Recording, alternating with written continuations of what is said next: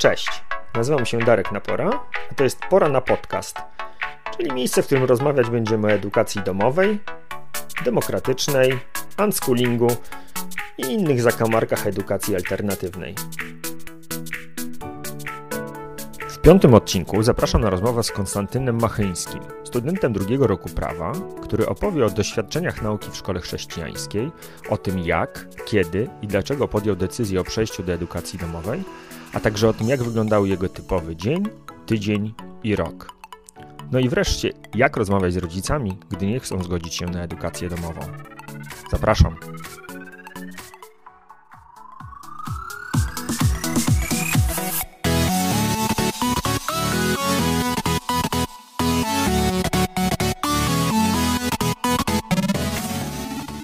Cześć. Chciałbym rozpocząć naszą rozmowę od pytania o to, w jakim miejscu się teraz znajdujesz, czym się teraz zajmujesz, co robisz. No w moim życiu w tej chwili od e, właściwie tygodnia e, zaczęły się zajęcia na uczelniach. Więc głównie żyję tym, że są nowi wykładowcy, nowi, mm, nowe przedmioty. E, studiuję prawo, więc też te przedmioty mm, są dosyć wymagające, ale jakby z mojej perspektywy osobiście dosyć ciekawe, bo po prostu to prawo, to prawo no, no gdzieś tam interesuje mnie i to zawodowo, i też jako, mm, no, jako mnie, jako człowieka. Mhm. A na którym jesteś roku? Na drugim roku. Przeprowadziłem się do Wrocławia właśnie rok temu na, na pierwszy rok studiów i mm, teraz drugi rok kontynuuję. Na szczęście stacjonarnie, więc gdzieś póki co przynajmniej, e, przynajmniej te zajęcia są w takiej właśnie formule. Okej. Okay. A jak pierwszy rok? Wszystkie egzaminy w pierwszych terminach? Czy jakieś popraweczki? No słuchaj, nawet się udało y, y, dwa chyba egzaminy w terminach żerowych, czyli w, w tych przedterminach udało się zaliczyć, także um, nie ukrywam, że jestem z siebie bardzo zadowolony, zwłaszcza też pod kątem średniej. Będę się starał o stypendium e, rektora, też staram się w tej chwili, właśnie czekam na rozpatrzenie mojego wniosku. E, także mam nadzieję, że, że, naukowo nie jest tak źle, jakby się mogło być. Może wydawać, zwłaszcza, że pierwszy rok okazał się dosyć e, taki przyjazny. Przynajmniej tam moja uczelnia mm, taki dobór przedmiotów zaproponowała, tak to było ułożone, że mieliśmy trochę czasu dla siebie, to nie było tak, że od rana do wieczora mm, na uczelni, E, I to były takie przedmioty, które dały nam pewnego rodzaju pojęcie na temat prawa, bo była, była historia prawa, była etyka, więc takie przedmioty, można powiedzieć, poniekąd przegadane. E, mhm. Gdzieś tam wiele rzeczy czuło się tak po prostu w środku w sobie, mm, e, ale przy okazji, no, ponieważ mm, zajęcia prowadzą z nami praktycy, to jest też ogromną zaletą, to też oni dużo ze swojego życia, ze swojej pracy po prostu przynoszą E, poniekąd wsteczne na zajęcia. Mm. Więc to też tak mm, zaraża pewnego rodzaju entuzjazmem, pewnego rodzaju emocjami, które się wiążą z pracą, e, czy to w kancelarii, czy w sądzie, czy, czy w urzędach. Okay. Na uczelniach, na których ja studiowałem, parę ich było, to takie przedmioty się nazywały odchamiaczami nie wiem, czy, czy na prawie podobna jest też termin na takie te przedmioty, co tak nie do końca są związane z tokiem studiów, ale na każdym kierunku mają być. Okej, okay, to u nas to bardziej się mówiło zapychacze. zapychacze I takim zapychaczem okay, na przykład, no, zapychaczem była na przykład logika, której nikt nie lubił, nikt do końca nie rozumiał, e, więc y, no. Tak, tak. No to logika, filozofia to były, to były na, na Politechnice, mówiliśmy na nie odchamiacze. Dobra, Słuchaj, no to dzięki, dzięki za podzielenie się tym, y, tym, co teraz przyspiesza ci y, tętno i, i sprawia, że, że masz powód, żeby wstawać y, rano z łóżka. Natomiast no, zaprosiłem Ciebie na tą rozmowę głównie ze względu na to, co masz już za sobą, a mianowicie epizod albo fragment życia, który, e, który mieści się w tym, co po polsku nazywamy edukacją domową, z angielska homeschoolingiem. E, I gdybyś mógł opowiedzieć, jak to wyglądało u Ciebie, skąd się pojawił ten pomysł, w którym momencie podjąłeś decyzję o tym, żeby przejść do edukacji domowej? Czy to była Twoja decyzja, czy jakoś zastymulowana przez wiem, rodziców, nauczycieli? Jak ten początek edukacji wyglądał w Twoim przypadku? Tutaj e, myślę, że dobrze byłoby dać pewnego rodzaju kontekst. Mhm. Ja chodziłem do mm, szkoły Króla Dawida. To jest prywatna chrześcijańska szkoła w Poznaniu, e, która mm, w swoich założeniach ma kształtowanie takich nietypowych postaw, jeżeli chodzi o uczniów. E, tam e, oni mieli, myślę, że dalej mają hasło, że to jest szkoła liderów. Szkoła, która ma budować pewnego rodzaju poczucie własnej wartości, poczucie niezależności, poczucie, mm, myślę, że dużo też takiej, mm, taka, tak, takiego szacunku nauki pracy z ludźmi i, i, i też pokory, bo to jest e, ważne, żeby być, e, e, mówić o, o, o sobie z pewnym szacunkiem do siebie, ale też pokorą wobec innych ludzi i świata. I między innymi mm, w myśl tej idei całej tej szkoły było to, że edukacja domowa to jest coś, co pomaga Mm, właśnie w nauce takiej niezależności, e, w kształtowaniu tych takich postaw. I już chociaż ja chodziłem na, do szkoły podstawowej i do gimnazjum e, w normalnym trybie, tak jak wszystkie, e, wszystkie dzieciaki chodzą. No teraz już do gimnazjum nikt nie chodzi, ale, ale jakby ten etap odbyłem po prostu normalnie, w porównywalny sposób jak wiele innych dzieciaków. Mhm. Z tym, że cały czas gdzieś tam pojawiał się temat edukacji domowej w kontekście takim, że że mieliśmy na przykład koleżankę i chyba dwie koleżanki, e, które były niejako w naszej klasie, ale były tak naprawdę na edukacji domowej. Więc one formalnie były zapisane z nami, ale ich nie widzieliśmy na co dzień na zajęciach czy na korytarzach. E, one przyjeżdżały tylko na egzaminy i nauczyciele mieli z nimi kontakty. E, niemniej jednak nauczyciele dbali też o to, żebyśmy my mieli kontakt w jakiś sposób z tymi kolegami, koleżankami na edukacji domowej. E, I myślę, że to też w drugą stronę działało, że rodzice tych osób chcieli, żeby oni nie byli zupełnie zamknięci w domu. E, więc były, były takie, takie okazje, żeby się spotkać, poznać. E, I to był taki najbardziej pierwotny, najbardziej E, tak brzydko powiem, pierwszy kontakt, najbardziej pierwszy kontakt z edukacją domową. Po prostu, że ona była wokół nas, przejawiała się w różnego rodzaju mm, takich e, okazjach, jak było rozpoczęcie e, roku, zakończenie roku, to też zawsze się mówiło troszkę o edukacji domowej. Założyciele Szkoły Kula Dawida, mm, państwo Pietrzakowie, pan Jarek i pani Iwona Pieczak, oni też są ogromny, pod ogromnym wpływem i też inspiracją szkół E, australijskich, e, szwedzkich i e, ze Stanów Zjednoczonych, gdzie edukacja domowa jest generalnie bardzo ceniona i dosyć powszechna. No, z racji po prostu takich, takich kulturowych, myślę.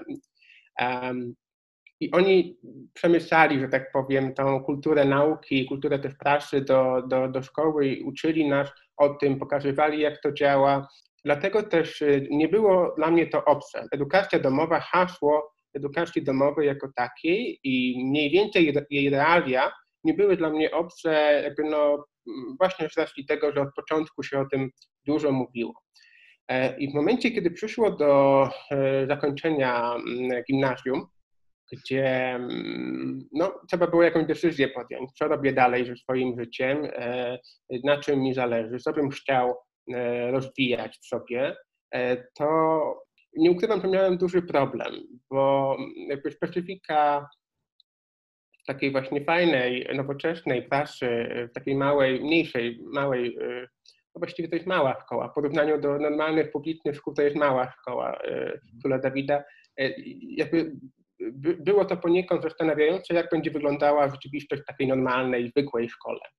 E, I to był jeden z takich czynników, który sprawił, że E, zacząłem brać pod uwagę edukację domową, bo złożyłem dokumenty do trzech szkół, bodajże był wtedy, e, nie wiem czy dalej tak to wygląda, ale że kiedy się decyduje o szkole średniej, to się składa wnioski do różnych szkół. Jest szkoła pierwszego, drugiego, trzeciego wyboru.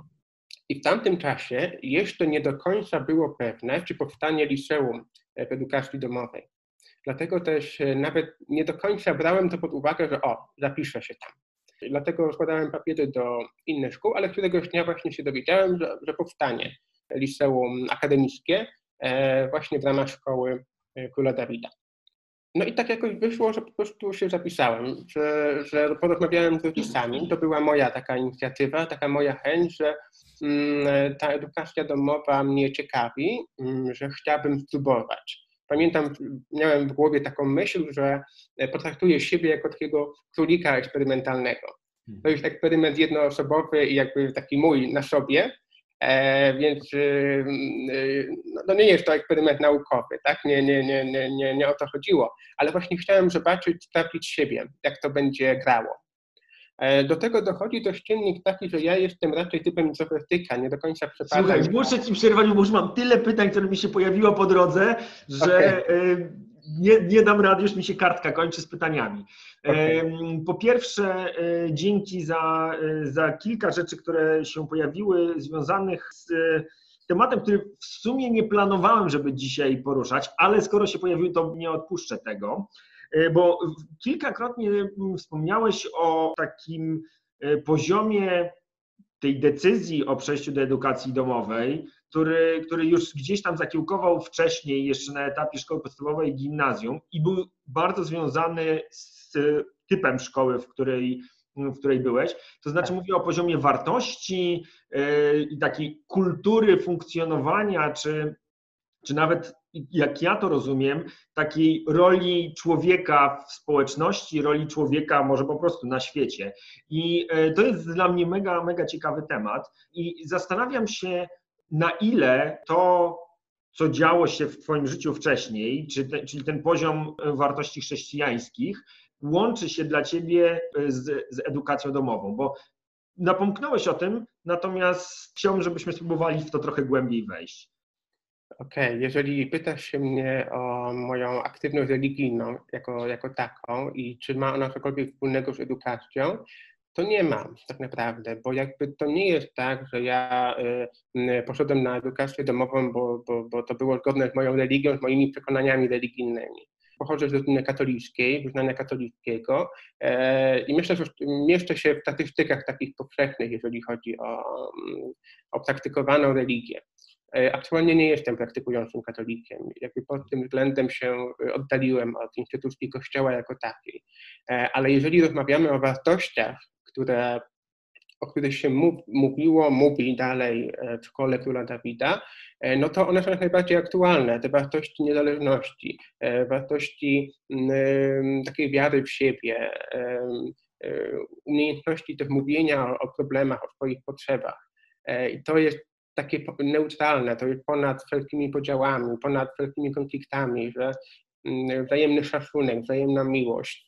E, to są takie elementy, które no, to nie jest tak, że tylko katolicy, tylko protestanci to, to wyznają. Tak? Szkoła, szkoła jest z założenia multiwyznaniowa e, i jakby tam, są, tam jest bardzo wielu, bardzo wiele dzieciaków różnych wyznań. I rodziców też, bo rodzice również się angażują w społeczność szkoły jako takiej. No to jest dosyć takie normalne. Wspomniałeś wcześniej o, o Stanach czy Australii, gdzie ten obraz rodziny czy osoby, która trafia do edukacji domowej, jako takiego wyjętego nieomal y, ze społeczeństwa, członka jakiejś pomniejszej grupy wyznaniowej, jest mega utrwalony. I mi bardzo zależy na tym, e, żeby właśnie pokazywać, że to nie jest jedyny sposób. Także e, stąd, stąd moje pytanie e, tego dotyczyło. No i, i, i Twoja historia, gdzie byłeś w szkole, która na sztandarach ma te wartości chrześcijańskie czy katolickie, natomiast, tak jak wspomniałeś, jednocześnie jest tam miejsce i, i przestrzeń dla osób o, o zupełnie odmiennych poglądach to jest, to jest y, mieszanka różnych wyznań. To nawet nie jest szkoła katolicka. Też warto zaznaczyć, że mamy y, dosyć stereotypowe pojęcie szkoły chrześcijańskiej jako szkoły katolickiej. Więc chciałbym też tutaj grubą linią y, oddzielić to, że to jest coś zupełnie innego. E, tym bardziej, że jak dobrze się orientuję, mm, to liderzy tej szkoły są protestantami. To nie ma, ale to nie ma jakby większego znaczenia, jakby formuła jakichś tam modlitw, prawda, wspólnych raz w tygodniu, czy jakichś wątków religijnych, które się pojawiają w szkole, jest uniwersalna i nie wykluczająca absolutnie żadnych yy, wyznań. Więc to nie jest żadna sekta, ani nic takiego. Okej, okay. a mógłbyś to wytłumaczyć, ponieważ ja jestem przekonany, że dla wielu osób to, co ty odkreśliłeś e, grubą kreską, może być mhm. niejasne. Czy, czy e, jak ty postrzegasz tę różnicę między, między miejscem, w którym e, ty się znalazłeś, między tą szkołą, a innymi miejscami, które, które mogłyby się pojawić, jak na przykład z nazwą Szkoła Katolicka? Okay. To nie jest na przykład, to nie jest tak, że na korytarzach szkoły są prawda, zakonnice albo zakonnicy. E, to, to nie jest w żaden sposób powiązane z jakimkolwiek e, zakonem. Nauczyciele to są normalni nauczyciele po, po, po, prawda, po szkołach, no, z uprawnieniami i tak dalej, mhm. E, więc to są też normalni ludzie. Co więcej, nie wszyscy nauczyciele są w ogóle wierzący. To nie jest tak, że wymogiem zatrudnienia w szkole chrześcijańskiej jest e, wiara. Jest no, myślę, że jakby wartością po prostu wspólne wartości. Jeżeli nauczyciel ma wartości, podziela te wartości, które szkoła podziela, no to myślę, że po prostu może, może, może być tutaj zatrudniony do pracy. Wiem, że w szkołach katolickich podobno się prowadzi modlitwy codziennie rano e, przed lekcjami. U nas to nie do końca tak było. E, były takiego tak zwane uwielbienia raz w tygodniu kiedy się zbierała cała klasa, e, albo, albo kilka klas nawet, albo szkoła nawet.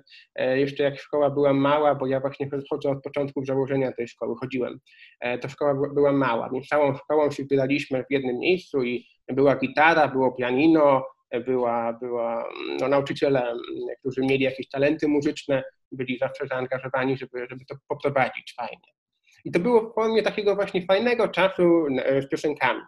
E, a przy okazji zawsze było jakieś czytanie Biblii i rozmowa potem na temat Biblii. I właśnie to jest też fajne, że to nie było tylko czytanie wersetów biblijnych i tłuczenie ich nieomal na pamięć, tylko to była rozmowa, że no słuchajcie, jak wy to rozumiecie, e, nauczycieli zawsze to interesowało, jak wy rozumiecie ten fragment Biblii. My potrafiliśmy 45 minut rozmawiać o jednym zdaniu, e, prawda, które gdzieś tam w tej Biblii było zapisane. Więc to była po prostu gigantyczna taka gimnastyka dla głowy, dla umysłu. E, a co dopiero jak masz 12 y, czy 10 lat, tak, i analizujesz Biblię. I to, to jest właśnie fajne, że to było w taki przystępny, bardzo otwarty, mm, taki dyskusyjny sposób po prostu e, robione, że każdy mógł coś powiedzieć e, i mogliśmy się wspólnie zastanowić nad tym, o co chodzi. E, więc po prostu to, co bym chciał zaznaczyć, że ja do szkoły katolickiej nie chodziłem nigdy i jakby to, co mówię, to są jakieś stereotypy, które do mnie do, docierają, dotarły, e, które siedzą mi w głowie, bo nikt inny nigdy ich nie, nie podważył e, i mm, po prostu porównuję to z tym, co ja widziałem u mnie w szkole. I to jest zupełnie co innego, zupełnie inna formuła, inny charakter też kontaktu z religią jako taką. Mm, okej, okay, dzięki za, za, za, ten, e, za ten fragment. E, ja w ogóle nie jestem osobą e, religijną, więc trudno mi też skonfrontować to, jak, jak to wygląda w, szkołach katolickich, ale liczę na to, że uda mi się spotkać też z kimś, kto miał, miał takie doświadczenia, żeby móc też pokazać, jak bardzo różnie, różnie to może wyglądać i, i jak bardzo szeroki jest ten wachlarz tego, co edukacja domowa jako takie formalne rozwiązanie pozwala mhm. robić osobom, które chcą to wykorzystywać do jakichś tam e, swoich, e, swoich celów, bardzo różnie pojętych, od unschoolingu, o którym rozmawiałem kilka, kilka odcinków temu z Marianną Kosińską, po prawdopodobnie bardzo, bardzo ortodoksyjne rozwiązania, e, które, które znamy no, choćby ze Stanów czy, czy z Australii, gdzie tam rzeczywiście zakrawa to nieomal o, e, o, o, sekciarskie, o sekciarskie klimaty. No, z mojego doświadczenia własnego, ale, ale również obcowania z osobami, które na tę edukację domową się zdecydowały, to zwykle było tak, że bawić się tą myślą, to się nam pojawia, znika i potem nagle dzieje się coś takiego, co i nagle wszystkie elementy do siebie pasują i, i podejmujesz decyzję, że dobra, wchodzę w to. Więc pytanie, było... czy u Ciebie coś takiego zaistniało? Okay. U mnie to było tak, że ja się dowiedziałem, że liceum e, będzie, że ja mogę do niego dołączyć to dla mnie to była swego rodzaju nawet ulga. E, bo jakby składanie tych wniosków do różnych szkół, kiedy no, mm, no nie do końca wiem, jak, o co tam chodzi, jak to wygląda, e, nie do końca wiem, e, jaka będzie rzeczywistość, tak, pod kątem kolegów, pod kątem nauczycieli. Ja wybrałem, zdaje się, że szkoły z jakimiś profilami. Tam była chyba jedno, jeden ogólniak, jeden to był profil prawny, prawno jakiś społeczny, coś takiego i jeden profil to było coś z zarządzaniem. Więc takie w miarę miałem kierunki akurat podobne do tego, co dzisiaj e, robię koniec końców, ale mimo wszystko tam zawsze było coś, co mi nie do końca zagrało. Jak się dowiedziałem, że mogę to tutaj jakby pozostać w ramach szkoły Dawida, mm, to pozostałem. Po prostu uznałem, że, że, że skoro tak się stało, to znaczy, że, że to jest taka podpowiedź trochę od losu, że warto, warto wykorzystać tę okazję. Wcześniej jakby to nie było też takie zupełnie spontaniczne, bo też wcześniej rozmawialiśmy, rozmawiałem z panem Jarkiem Pietrzakiem, dyrektorem szkoły, który, który jakby mm, troszkę mi pomógł e, zrozumieć, o co chodzi, jaka, jaka jest, jakie są realia. E, już też z paroma nauczycielami mogłem porozmawiać o tym, bo oni również prowadzą egzaminy, więc też mniej więcej rozumieją, jak to wygląda ze strony nauczycielskiej, E, znaczy, znaczy, no rozumieją w całości, ale, ale mogli mi powiedzieć trochę więcej jakby kolarikowi. E, I potem też moi rodzice, no oczywiście najważniejszy element całej tej układanki, żeby rodzice się zgodzili. E, I tu było coś takiego, że rodzice przez cały okres mojej edukacji nie przyjmowali, jakby w ogóle nie, myśli, nie rozważali na żadnym, w żaden sposób, w żadnym kontekście tego, żebym poszedł na edukację domową. E, oni są ludźmi zajętymi, prowadzą swoje firmy. E, każdy z nich ma swoją jakby osobną e, działalność. Więc są bardzo zajęci, nie mają czasu na to, żeby siedzieć z dzieciakiem i prawda, pomagać mu zrozumieć biologię. Więc to po prostu w ogóle nie wchodziło w grę i jakiekolwiek moje, moje przebąkiwanie było momentalnie, mm, jakby, że tak powiem, no nie było tematu. Ale kiedy mm, E, tak już na ostatnich klasach prawda, e, gimnazjum, no to człowiek już trochę bardziej samodzielny. No musiałem zdać ten egzamin gimnazjalny, więc to był też taki czas, że e, rodzice mogli zobaczyć, jaki ja mam system, jak ja się uczę i przede wszystkim, czy ja się uczę skutecznie, bo niezależnie od tego, jak się uczymy, jak, jakimi metodami, no to liczy się efekt na samym końcu i ile nam zostanie w głowie potem. E, I oni jakby myślę, że widzieli po mnie, że ja jestem w stanie sobie zorganizować tą naukę, jestem w stanie, w stanie gdzieś tam no, nie, nie zajechać się, że tak powiem, e, przy tym. Dlatego, kiedy dowiedzieli się, że liceum akademickie, że to jest e, edukacja domowa, no to pierwsze ich pytanie było takie, czy poradzisz sobie sam, bo my nie będziemy tobie pomagać. Nie? jakby... Ja wtedy, przepraszam, 14 lat, tak? 13-14. E, nie, jak się kończy gimnazjum, to się ma 15, 15. A, bo to gimnazjum, racja, racja. Gimnazjum. Tak, tak, tak. To było 15 albo 16 lat, jakoś tak. Ja w ogóle jestem 29 grudnia, więc u mnie się to zupełnie inaczej e, przelicza. E, ale, ale no coś, ko, coś koło tego. E, więc jakby to była najważniejsza kwestia, że muszę sobie poradzić sam. E, owszem, korzystałem z korepetycji, E, z angielskiego, z matematyki i z języka hiszpańskiego, bo miałem chyba dwa języki od początku. Jakoś tak to było. Jakby korzystałem z pomocy nauczycieli takiej dodatkowej, e, ale generalnie odpowiedzialny za, za wyniki byłem ja sam w całości. E, więc z pewną, z pewną obawą, z pewnym takim wahaniem, no to jest nowy temat. U mnie w rodzinie nikt nigdy na edukację domową nie chodził. E, moi rodzice no tyle, co mogli usłyszeć od nauczycieli, przy okazji może na jakichś zebraniach, nie wiem jak to wyglądało. Wątpię, żeby mieli jakiekolwiek takie szersze pojęcie, e, czym jest edukacja domowa i, mm, no, i jakie są, jaka jest jej specyfika. Więc no, z pewnym dystansem podeszli do tego, ale zaakceptowali moją decyzję, że skoro tego chcę, to czuję, to mm, i, i podejmuję się tej odpowiedzialności, że, że sam zadbam o siebie, to okej. Okay. Mhm. E, no i, i tak, tak to wyszło. Okej. Okay. No dobrze, e, to zostałeś naprawdę postawiony przed, e, przed dużym wyzwaniem, aczkolwiek wiem o tym, że dla części młodych osób to wyzwanie jest jeszcze większe, bo oni dowiadują się o tym, że istnieje edukacja domowa, natomiast rodzice absolutnie nie zgadzają się na takie, na takie rozwiązanie. U Ciebie to było tak, że rodzice byli tacy, Zobaczymy. Rodzice, rodzice powiedzieli, że oni, oni nie, rozum, nie wierzą o co chodzi w tym, oni nie znają się na tym, e, ale, ale przyjmują do wiadomości moją decyzję. I tak to okay. trochę. Mhm. E, a chciałem Ciebie zapytać, czy Miałeś z, jakimś, z jakąś dalszą rodziną albo ze znajomymi takie sytuacje, gdzie oni próbowali ciebie odwieść od, od tego pomysłu. I pytam o to właśnie po to, żeby ewentualnie młodym osobom, które będą w podobnej sytuacji, podpowiedzieć, jak, jak się w tej sytuacji zachować, jak takie rozmowy prowadzić, żeby no, przynajmniej nie, nie, nie zaognić tej, e, tej, tej, tej sytuacji i tej relacji między, między młodą osobą a rodzicami, czy dziadkami, czy, czy jakimiś tam innymi opiekunami. U mnie wyglądało to, tak, że rodzice i rodzina znają mnie e, jako osobę, która umie sobie poradzić, która jest samodzielna, która jak się mówi, to jest to zrobione, ustalo, że ustalam te pewne rzeczy z wyprzedzeniem e, i się trzymam tych ustaleń. E, jakby tak, no taki mam po prostu charakter, że ja muszę wiedzieć wcześniej, muszę mieć to tutaj dosłownie w kalendarzu obok siebie wpisane i jakby to jest dla mnie też naturalne, że po prostu pewne rzeczy ustalam i je robię, bo wiem, że mam określony czas na robienie tego.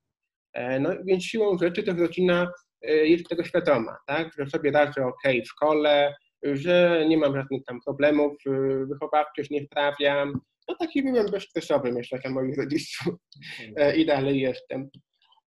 Więc, więc to tutaj, tutaj bym duży nacisk właśnie położył na to, żeby pokazać, udowodnić, że mm, jako osoba jesteś godny zaufania, że trzymasz się pewnych ustaleń, że umiesz zorganizować swoją pracę. Y, trzeba pokazać też taką niezależność, ale nie w formie takiego, takiej agresji jakiejś, jakiegoś, nie wiem, y, buntu, e, bo też to często tak właśnie wygląda, że, że no, no ludzie jakoś tak agresywnie, nie fajnie, to się to zaostrza, tak jak powiedziałeś, że to się ten konflikt się zaostrza e, między rodzicami. Ja zawsze miałem te relacje dobre, bo i rodzice e, gdzieś tam e, takie, takie mieli podejście do, do życia i do nas jako do dzieciaków, mam dwóch braci młodszych, e, że te relacje ogólnie są ok.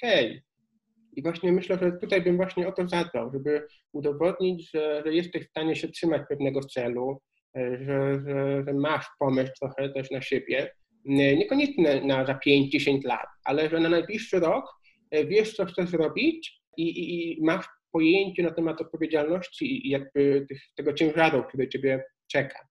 E, I jeżeli nie wiem, jaką sytuację mają różne osoby ze, swoją, ze swoimi rodzicami, ze swoją rodziną, ale warto właśnie tak to pokazać, że jesteś e, jednostką samodzielną, niezależną, że podjąłeś decyzję w sposób przemyślany e, i doskonale rozumiesz te konsekwencje i możesz na spokojnie wyjaśnić, że najbliższy rok to jest to, to i to, będzie mnie czekało to, to i tamto, a problemów spodziewam się tu i tam.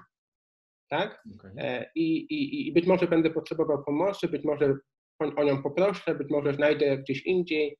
E, I myślę, że to jest ważne właśnie, żeby pokazać to, e, taką, taką właśnie gotowość na to łatwo tobie mówić, jako osobie turbo tak. zorganizowanej i osobie, która jakby z jakąś tam łatwością te, te organizacje, umiejętność planowania, wyznaczania celów, tak. realizacji, co więcej, nawet szukania potencjalnych e, dlatego, zagrożeń. Dlatego, dlatego się zawahałem przed udzieleniem tobie odpowiedzi, bo zdaję sobie sprawę z tego, że to jest trudne dla wielu osób. Mhm. E, I, I jakby ja to umiem, ja to robię, nie wiem dlaczego, nie wiem tak naprawdę jak to się stało, ale po prostu widzę, że, że umiem te rzeczy sobie mm, jakoś tak uporządkować e, i, i umiem o to o siebie zadbać. Natomiast, przepraszam, jeszcze tylko wyłuskam z tej Twojej wypowiedzi jedną rzecz, która na pewno niezależnie od tego, czy masz tę umiejętność i łatwość w planowaniu i organizacji swojej pracy, czy jej nie masz, bo to z pewnością ułatwia edukację domową, natomiast w mojej ocenie nie jest warunkiem koniecznym e, i, i da się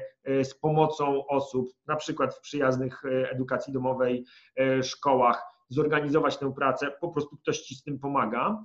Natomiast wydaje mi się, że bardzo dobrym sposobem na to, żeby ułatwić ten pierwszy krok i, i jakby oswoić tę, tę edukację domową e, w rodzinie, jest obietnica tego, że to jest rok, że to jest tylko rok, spróbować wspólnie tego wielkiego, rozdmuchanego demona, że, że już do końca świata będę, nie będę wychodził z domu, powiedzieć, zobaczmy, jak nam będzie przez rok. Tak, jak, tak. Jak, jak okaże się, że potrafię to zrobić, no to, to zobaczymy, będziemy gadali za rok. Zawsze mogę wrócić do szkoły i e, do, do takiej szkoły systemowej i kontynuować edukację e, tak, jak to robi większość, większość osób, a być tak. może okaże się, że potrafię to zorganizować i, no i wtedy będziemy mogli za rok podjąć decyzję, że, że, że tę edukację domową e, kontynuujemy. Tak, tu się zgadzam. To jakby perspektywa tego, że w razie czego mogę wrócić do normalnej, do, do takiej zwyczajnej, typowej szkoły, e, widziałem, że w oczach wielu osób, czy, czy to moich dziadków, czy to mojego wujostwa, e, dawało taką, takie, takie aha, okej, okay, to dobrze, no to fajnie. Nie? Na takiej zasadzie, że, że oni już wszystko rozumieli, że to jest taka próba, ale w razie czego no nie, nie wylądujesz na, na bruku, tak, przysłowiowym.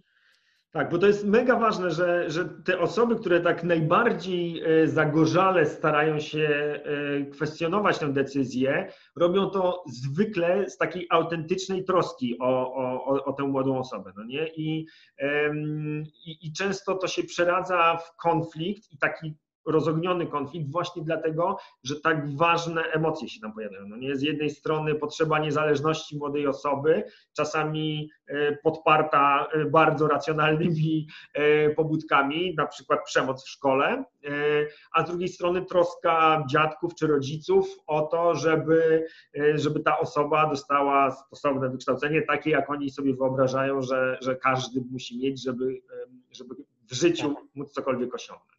Mhm. Także ta tymczasowość i pozwolenie sobie na to, że słuchajcie, to nie jest do końca życia, spróbujemy, zobaczymy jak będzie. Myślę, że jest taką radą, którą, którą e, w każdej rodzinie, niezależnie od umiejętności organizacji, można, można polecić. Przejdźmy teraz w takim razie do konkretów. Jesteś już w tej edukacji domowej, zaczynasz od pierwszej klasy. No i jak to wyglądało? Jak wyglądał taki typowy unschoolingowy e, dzień? Okej, okay. tak jak pamiętam, pierwsza klasa mojej szkoły średniej to było bardzo dużo przedmiotów. To było bodajże 15 albo 16 przedmiotów. E, I to chyba jest taki, mam wrażenie, że, że, że to tak ogólnie jest, że, tych, że na pierwszej, pierwszej klasie jest tego bardzo, bardzo dużo. E, więc to, to, to, akurat pamiętam mm, tak jak dzisiaj. Normalnie widzę to, to oczami wyobraźni, że e, mój tata mm, usiadł ze mną i rozpisał dokładnie, ile mam przedmiotów, jakie, jaka jest postawa programowa do tych przedmiotów, e, bo jakby ja uczyłem się w oparciu o postawę programową i przyjąłem, że obowiązuje mnie wyłącznie postawa programowa. E, I do tego stopnia, że nawet zdarzyło mi się jeden egzamin podważyć, ponieważ był niezgodny z postawą programową. E, ale to jest w ogóle inna historia. E, Dobra, to, ale potrzebuję teraz tutaj chwilę zatrzymania. Tak. Podstawa programowa, czy to był dokument, który dostałeś ze szkoły i to była jakby ich skorygowana do ich oceny, ich egzaminu treść, czy po prostu brałeś podstawę programową ze strony ministerstwa, czy tam kuratorium? Ja pobierałem ze strony kuratorium, daje się to, chyba kuratorium takie dokumenty udostępnia, e, pobierałem sobie podstawę programową, ale też zawsze pytałem e, nauczycieli, jakie są ich zalecenia, bo mm, nauczyciele mają, mm, jak kojarzę, dosyć dużą taką, pewne pole manewru w ramach podstawy programowej e, i pewne rzeczy są dla nich bardziej lub mniej ważne. I zawsze starałem się dostać od nauczycieli mm, taką listę nie wytycznych, ale takich założeń, e, pewnych oczekiwań. E, różnie nauczyciele to robili. E, jedni wysyłali mi listę tematów po prostu. Jedna pani mówiła, że, że dla niej ważne są trzy obszary danym, danego przedmiotu i że zależało jej na tym, żebym się na tym skupił. Mm, no ale tak czy siak realizowałem postawę programową. E, I jakby po prostu uznałem, że to jest dokument, który mnie obowiązuje, obowiązuje nauczycieli. On, jest, e, on ma czarno na białym wypisane dokładnie, co muszę wiedzieć, na jakim etapie edukacji. Mm, te tematy się potem łączą, e, jakby patrząc w całościowym ujęciu, więc przyjąłem, że to będzie taki mój, taka moja latarnia. Mhm. Dobra, ja jeszcze tutaj raz trend chciałbym zaproponować. To, mhm. co powiedziałeś o tej komunikacji między mm, osobą w edukacji domowej i nauczycielami, którzy potem przygotowują te egzaminy, to jest mega, mega istotna sprawa, ponieważ znowuż wiele osób na zasadzie jakichś stereotypów czy takiego bardzo ogólnego pojęcia edukacji domowej jest przekonanych, że te egzaminy, które y, odbywają się raz w roku zazwyczaj, to jest taki komis ze wszystkiego, gdzie trzeba po prostu każdy jeden element, który się pojawia w postawie programowej, to to na pewno będzie na egzaminie. No, oczywiście tak nie jest. I... To, jest to jest nierealistyczne, bo podstawa programowa liczy sobie ojej, kilkanaście stron, kilkadziesiąt stron, e, a egzamin trwa godzinę. To nie jest 8 e, godzin egzaminu, e, tylko to jest godzina i to jest realistycznie, nie wiem, 20 E, pytań mieszanych, na przykład, e, że jest trochę otwartych, trochę zamkniętych, e, nie wiem, na matematyczne jakieś zadania do wyliczenia, no ale jakby trzeba realistycznie popatrzeć na godzinę, nauczyciel nie może za dużo tam wymów. Dlatego też ważne jest to, żeby nauczycielem mniej więcej uzgodnić, co jest dla niego ważne, co on będzie przede wszystkim sprawdzał na, na egzaminie, no i też tak, tak patrzeć na to, żeby rozumieć temat, mieć jakieś pojęcie, ale nie wykupać na blachę wszystkiego, bo to jest też w ogóle nieżyciowe, to się nigdy, nigdy się tak nie robi. E, więc e, można jakby na spokojnie do tego podejść. Dotknęliśmy tematu e, podstawy programowej, ale e, zastanawia mnie, jak, e, jak to wyglądało, bo tak, mamy skalę tego tygodnia, mamy skalę miesiąca, mamy wreszcie skalę całego roku szkolnego. Jak ty organizowałeś sobie tą pracę? Powiedziałeś, że jesteś w tym dobry, więc rozumiem, że była to przemyślana struktura, a nie takie podejmowanie decyzji ad hoc. I, i w, jaki, w jaki sposób ty, ty, ty to robiłeś? Powiedziałeś o tych kilkunastu przedmiotach, domyślam się, że nie zdawałeś wszystkich egzaminów naraz, tylko w jakichś e, momentach w trakcie, w trakcie roku. Opowiedz, e, opowiedz o tym. Ja miałem, zacząłem wspominać mojego tatę i to, jak on ze mną usiadł i rozpisał ze mną wszystko to, co, co mnie czeka, czyli przedmioty, ilość tego materiału, ilość czasu do egzaminów i tak dalej. Ja egzaminy miałem rozpisane kwartalnie. Zdaje się, że cztery egzaminy w roku, nie wiem, czy to jest dalej aktualne, to jest naj, największa ilość, jaka może być. E, nie pamiętam dokładnie. W każdym razie ja miałem co, co te trzy miesiące miałem egzamin. I po prostu podzieliłem sobie wszystkie te przedmioty e, na cztery egzaminy. Mhm. E, cztery sesje egzaminacyjne, bo to nie jest tak, że ja jeden egzamin pisałem w, jednej, w jednym, na jednym jakby przyjazdem. E, zwłaszcza też, że w ogóle e, jakby obok e, szkoła w Poznaniu akademicka w tamtym czasie się zamknęła po pierwszym roku.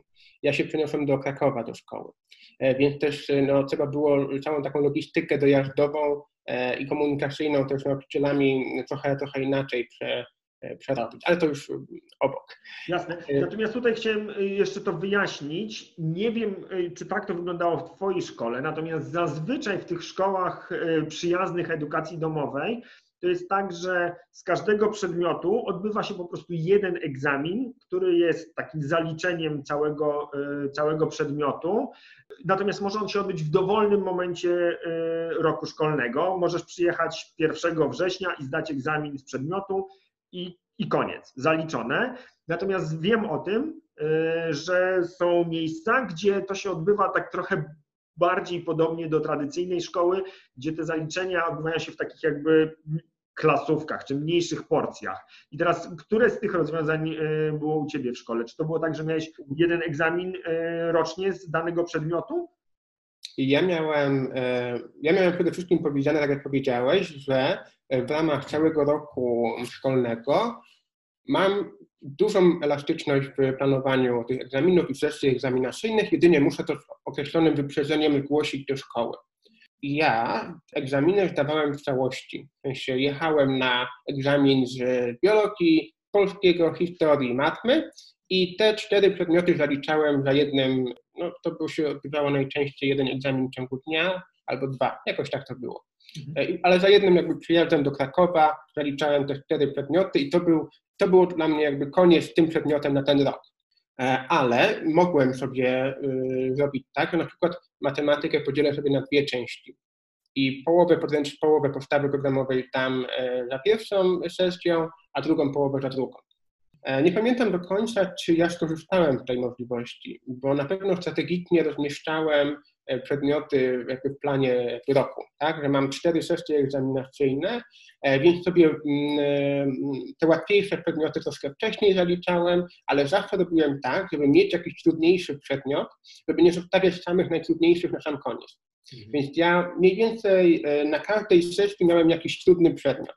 I właśnie tak to było, że te trzy, cztery przedmioty to były takie właśnie trudne, zwłaszcza w tym pierwszym roku, jak było tych, ich tak dużo.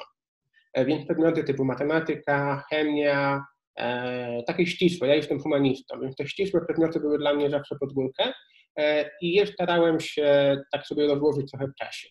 Matma zazwyczaj była na samym końcu, bo brałem korepetycje z tego, z tego przedmiotu i z nauczycielem właśnie tak uzgodniliśmy, że z perspektywy jej jako nauczycielki, która te korki prowadziła, e, ma to sens, żebyśmy przez cały rok systematycznie się spotykali e, raz w tygodniu na dwie godzinki e, i sobie przerabiali ten materiał tak bez, bez, bez tam stresu.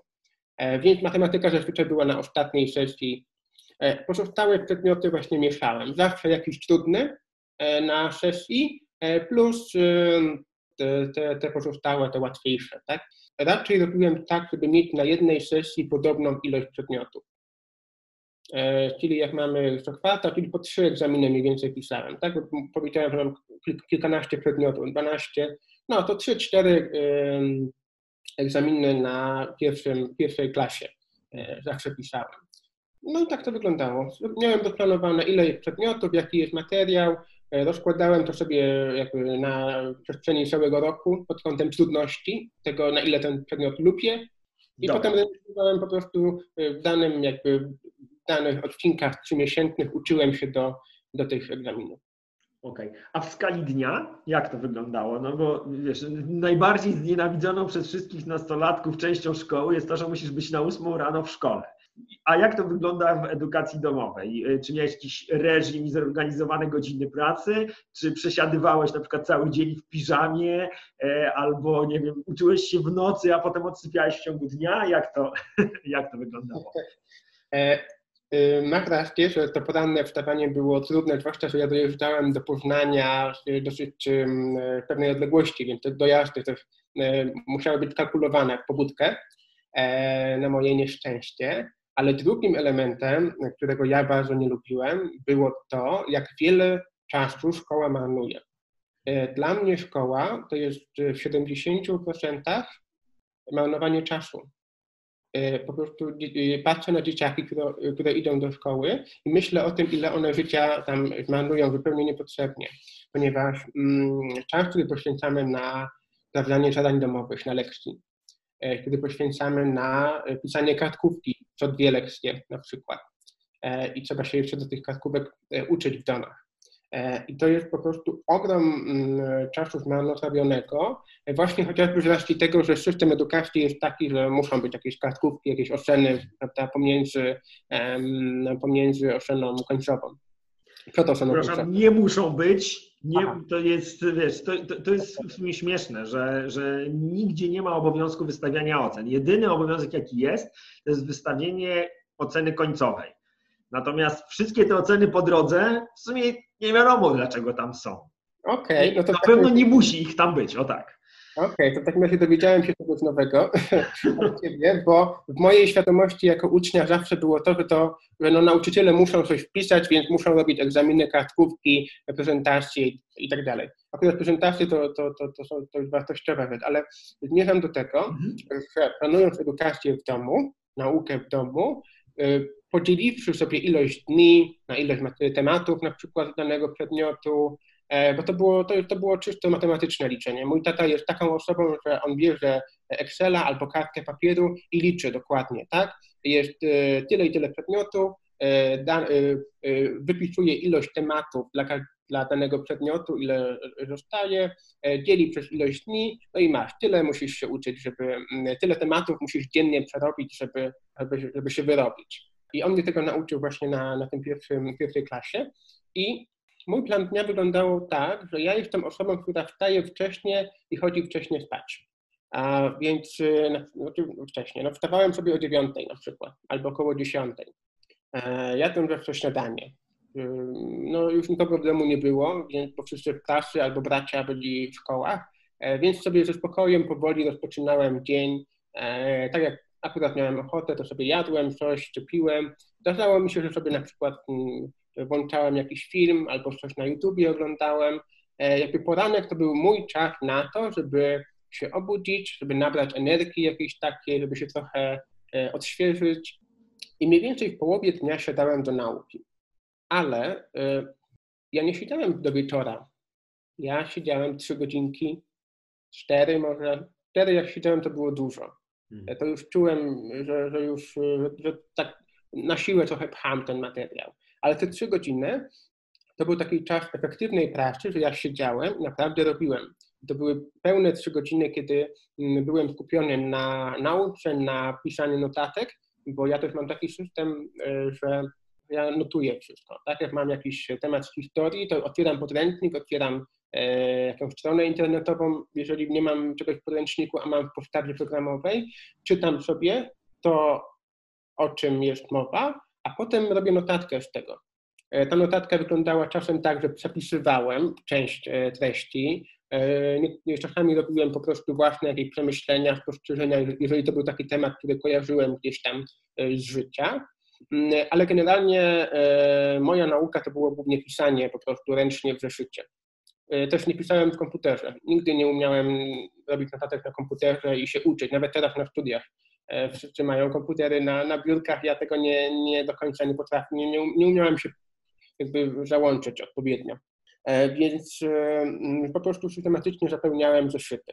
Każdy przedmiot miał swój osobny zeszyt i, i tam sobie pisałem. Potem z tych notatek jak wiedziałem, że zbliża się egzamin, e, na przykład na dwa tygodnie przed egzaminem, e, ja te notatki czytałem.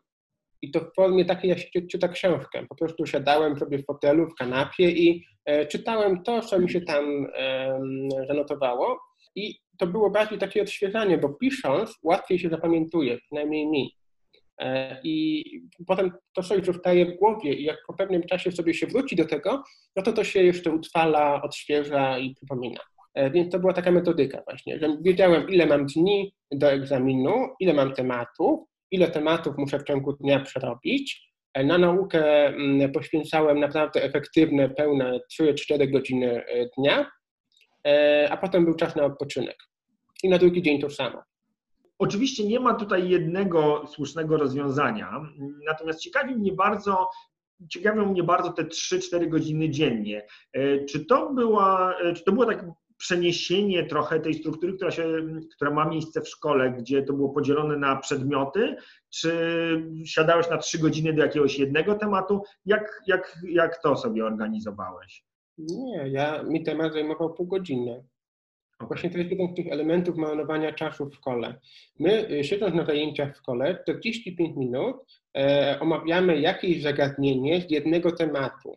I zanim nauczyciel skończy robić temat, to mijają na przykład cztery lekcje albo dwie, tak? A ja w pół godziny jestem w stanie przeczytać podręcznik, jeżeli czegoś mi brakuje, doszukać informacji w internecie i spisać to sobie w jakimś tam swoim systemie. Tak jak mówię, każdy się inaczej uczy, więc też nie chcę traktować mojego, mojej metody jako jakiegoś tam e, schematu. E, ale tak to mniej więcej u mnie wyglądało, że ja na temat nie potrzebowałem trzech godzin, czy nawet godziny. No, godzina może się zdarzała, jak były jakieś obszerne tematy. E, ale nie wchodziłem nigdy drobiazgowo w te tematy, bo cały czas miałem z tyłu głowy to, e, że egzamin będzie trwał godzinę, więc nauczyciel nie będzie w stanie szczegółowo wnikać w różne kwestie. Jego będą interesowały daty najważniejszych wydarzeń, jego nie będą interesowały nazwiska, e, chyba że to będzie jakiś, no naprawdę jakaś kluczowa postać w historii. E, no jakieś wzory, no to no wiadomo, chemiczne czy matematyczne to co innego. Okej. Okay. Nie, do końca, nie do końca odpowiedziałeś na moje pytanie. Ja zmierzałem do tego, że dla mnie osobiście w szkole, ale wiem, że jest to kłopot dla bardzo wielu osób, najtrudniejsze było to, że to 45 minut to było po prostu dla mnie za krótko, żeby się wdrożyć czy wkręcić w jakiś, w jakiś temat jak to wyglądało u Ciebie? Czy to było tak, że siadałeś na trzy godziny i tylko cały czas matma, czy dzieliłeś to sobie jednak na tematy? To było podzielone, bo tak jak mówię, ja też miałem zainteresowania poza szkoły, jakby poza, poza szkolne, poza przedmiotami szkolnymi, więc to, co mnie interesowało, rzadko kiedy znajdowałem w podręczniku jako takim. Okay. Ja mogłem lubić historię, mogłem lubić okres wojen napoleońskich, ale to nie jest coś, że, że ja siedzę całą noc i zarywam nad, nad tym, jak to Napoleon tam na Rosję, prawda, maszerował. E, I bo jakby mnie interesowało, żeby, żeby, żeby dowiedzieć się, znać, orientować się w tych tematach, ale nigdy nie, nie, nie miałem czegoś takiego, tak jak ty mówisz, nie? żebym się wkręcał nie wiadomo ile czasu. Ale... Czyli z e, no czystym no, wyrachowaniem podchodziłeś do tego, do tych trzech godzin. Nie trzeba, trzeba zrobić. Tak, mam określone przedmioty, tematy, które muszę przerobić dzisiaj e, i Jasne, jeżeli był takie, było takie coś, że mi się to przedłużyło, bo coś mnie faktycznie zainteresowało, nie wiem, włączyłem jakiś film na YouTubie o Napoleonie. Trzymam się tego Napoleona, bo to, to jest właśnie fajny przykład, ale mm, jakby dawałem sobie taką elastyczność, bo ponieważ sam planuję swój dzień, swój kalendarz, e, sam planuję sobie obiad w ciągu dnia y, i przerwę na obiad, no to mogę powiedzieć, że okej, okay, dzisiaj sobie trochę dłużej usiądę. Nawet nie patrzyłem na to, po prostu siedziałem dłużej, jak mi się chciało. E, a były też takie dni, że zrobiłem jeden temat z języka polskiego e, i już nie mogłem więcej robić, tak? I pół godziny miałem całą, jakby całą szkołę zamkniętą. Więc tu o to właśnie chodzi, żeby dać sobie taką elastyczność, że okej, okay, możesz się umówić, że średnio trzy godziny powinieneś poświęcić na, na, na, na lekcję, no ale też nie, nie być takim kieracie. To nie jest nic na siłę. Tutaj siłowo się niczego nie załatwi, tak jak w szkole się próbuje załatwiać. Jest. Z kolana na siłę nikogo się nie da nauczyć, nawet samego siebie. Nie, absolutnie. E, dobra, e, słuchaj, to teraz e, pytanie o słowo na S, które w kontekście edukacji domowej jest odmieniane przez wszystkie przypadki i rodzaje, to znaczy socjalizacja. I jako nastolatek, młody człowiek, będąc w edukacji domowej, no siłą rzeczy masz ograniczony dostęp do osób w Twoim wieku, rówieśników. I czy to oznacza, że w ogóle jesteś socjopatą i boisz się ludzi i nie masz z nimi kontaktu? Czy też może w edukacji domowej da się jednak mieć kontakt z ludźmi, którzy, którzy są dla ciebie fajni, ciekawi? Masz jakichś znajomych, czy nie masz? To znaczy, ja znajomych mam mało. E, jakby to mówię szczerze zupełnie, że ja nie mam znajomych jakoś bardzo, nie mam przyjaciół. E, jestem jakby też typem takiego trochę, trochę samotnika. Więc to pytanie w moim przypadku jest no, trudne do przełożenia na sytuację innych osób. Ja sobie po prostu dobrze radziłem, będąc samemu w domu. E, umiałem się zająć własnymi myślami, sobą, e, jakąś tam pracą, którą sobie, z czym się zajmowałem, więc nie brakowało mi kontaktu z kolegami.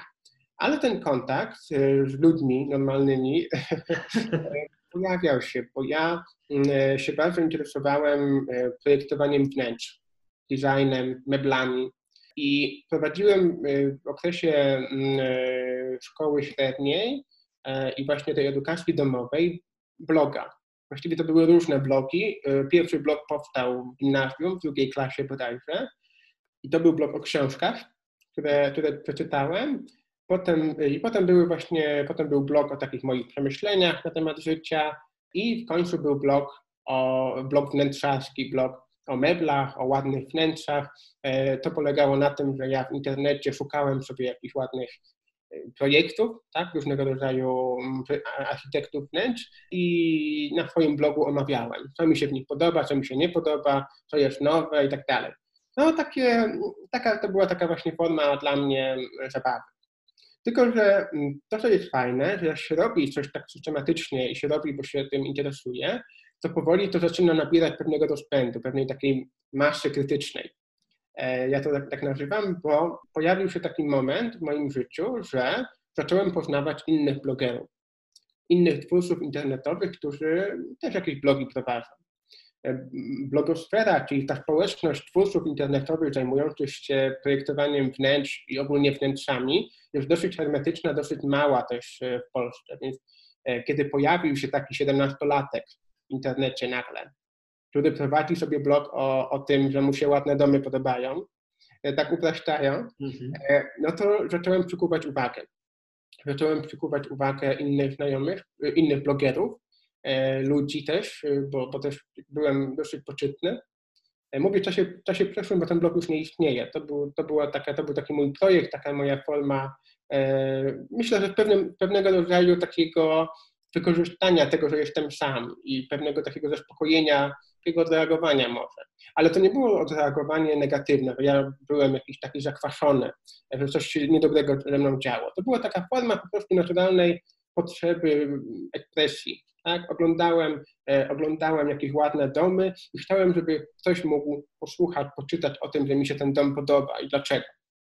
No i co ważne, ta forma bloga też bardzo pozwala jednak na interakcję z osobami, które, które cię czytają czy oglądają, gdyby to było. A, tak, udało mi. No, ja myślę, że to jest e, absolutnie zrozumiała dla każdej osoby potrzeba po prostu kontaktu z innymi ludźmi, a jeszcze jak się okazuje, że to nie są osoby, które po prostu urodziły się tego samego roku co ty i, i dlatego jesteście razem w klasie, tylko to są osoby, z którymi dzielisz jakieś zainteresowania, czy można śmiało powiedzieć pasję, no to kurczę, no daj Panie Boże, żeby wszyscy mogli takie, takie relacje budować oparte na tym, co, co Cię interesuje.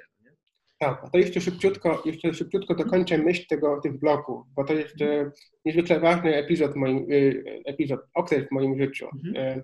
e, bo, bo on gdzieś tam rzutuje na to, jak dzisiaj funkcjonuje, jak myślę o sobie i o, o świecie, bo w miarę jak ten blog się rozwijał, dojrzewał, był też popularniejszy, tworzyła się społeczność, pojawiali się ci twórcy internetowi i te kobiety, bo to są w większości kobiety, to jest taka feminizowana e, nisza, e, one zaczęły mnie zapraszać na różnego rodzaju konferencje, spotkania, e, zaczęły się zaproszenia od firm, to zaczęło przynosić jakąś tam kasę, to był mój sposób na to, żeby sobie do, do kieszonkowego dorobić. E, zaczęły się pojawiać jakieś artykuły sponsorowane, jakieś tam próbki różnych e, farb, na przykład miałem taką właśnie e, firmą Śnieżka, że oni przysłali mi farby, miałem zrobić jakąś, jakąś taką recenzję, próbki, więc to była świetna zabawa. Nie tylko kasza, ale tu się właśnie liczyła ta zabawa, te wyjazdy po Polsce.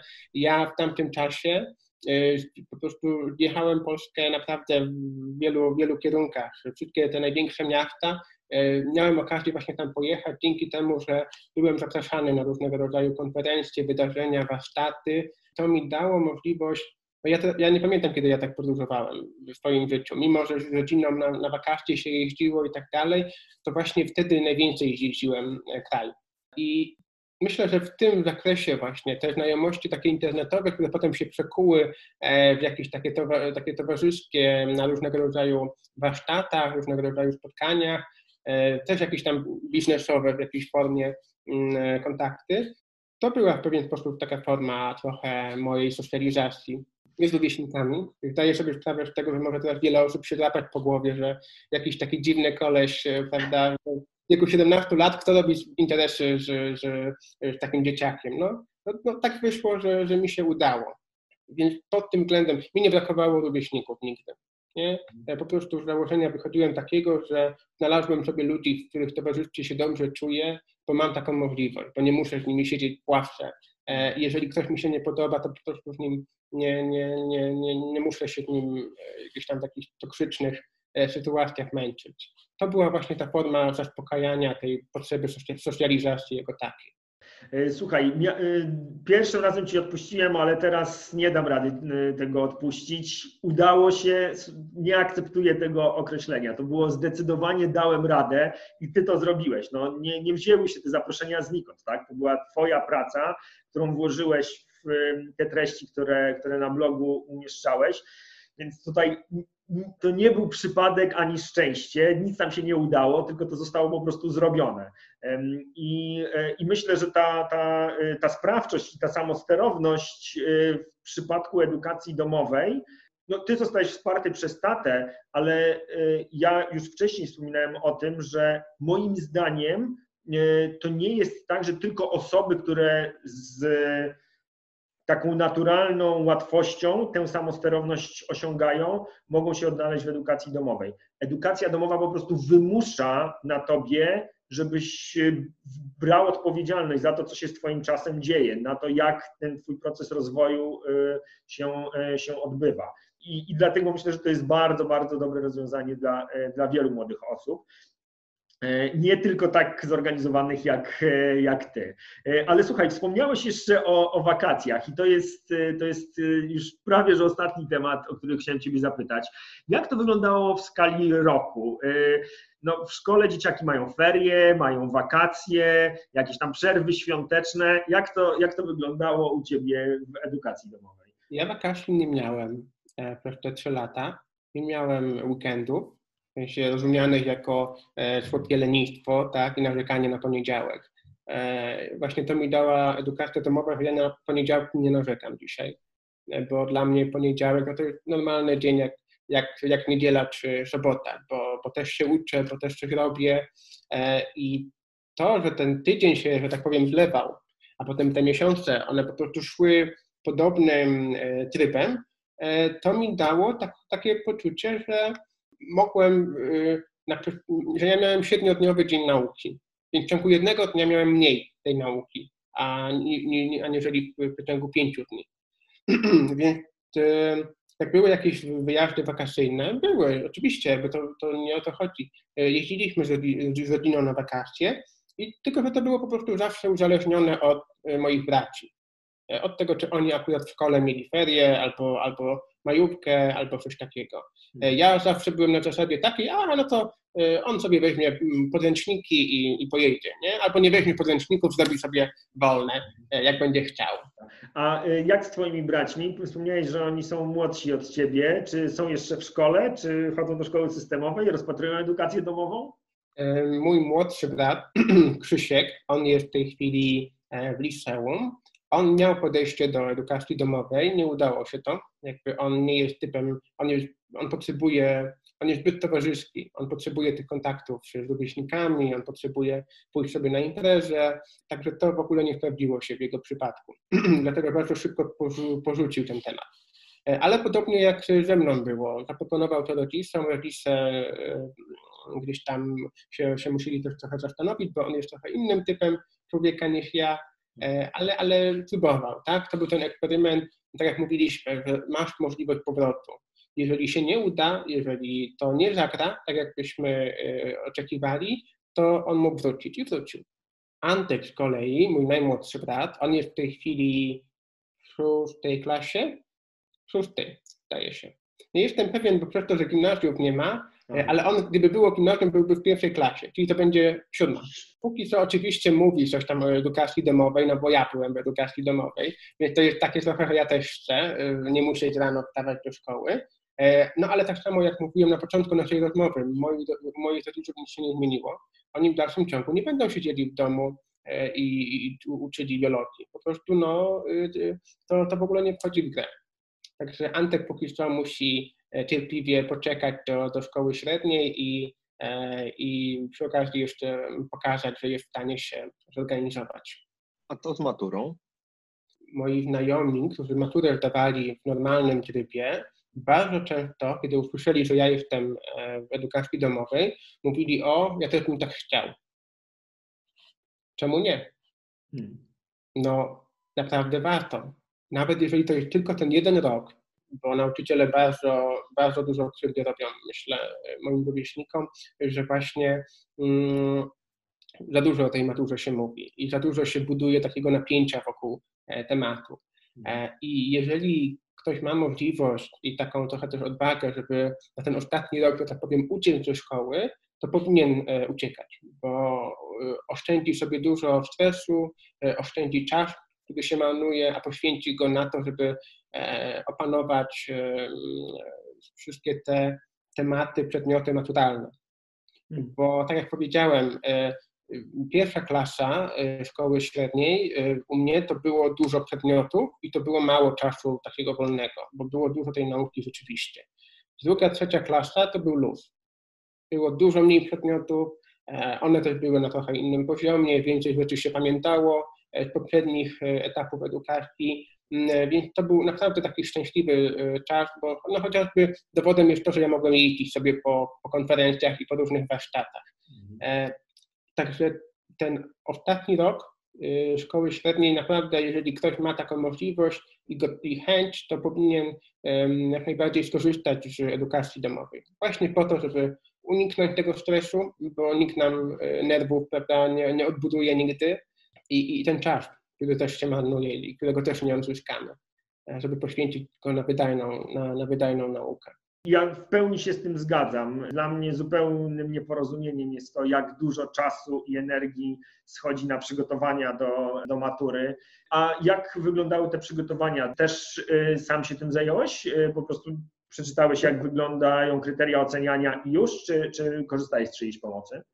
Wiesz co, y, ja y, do matury przygotowywałem się jedynie z matematyki, bo jakby dla mnie matura to jest też na inteligencję i to się okazało, że to, to po prostu jest, że jak ktoś ma minimalne jakieś tam poziomy, to tę maturę jest w stanie napisać po prostu, tak na zasadzie y, kolejnego egzaminu w swoim życiu.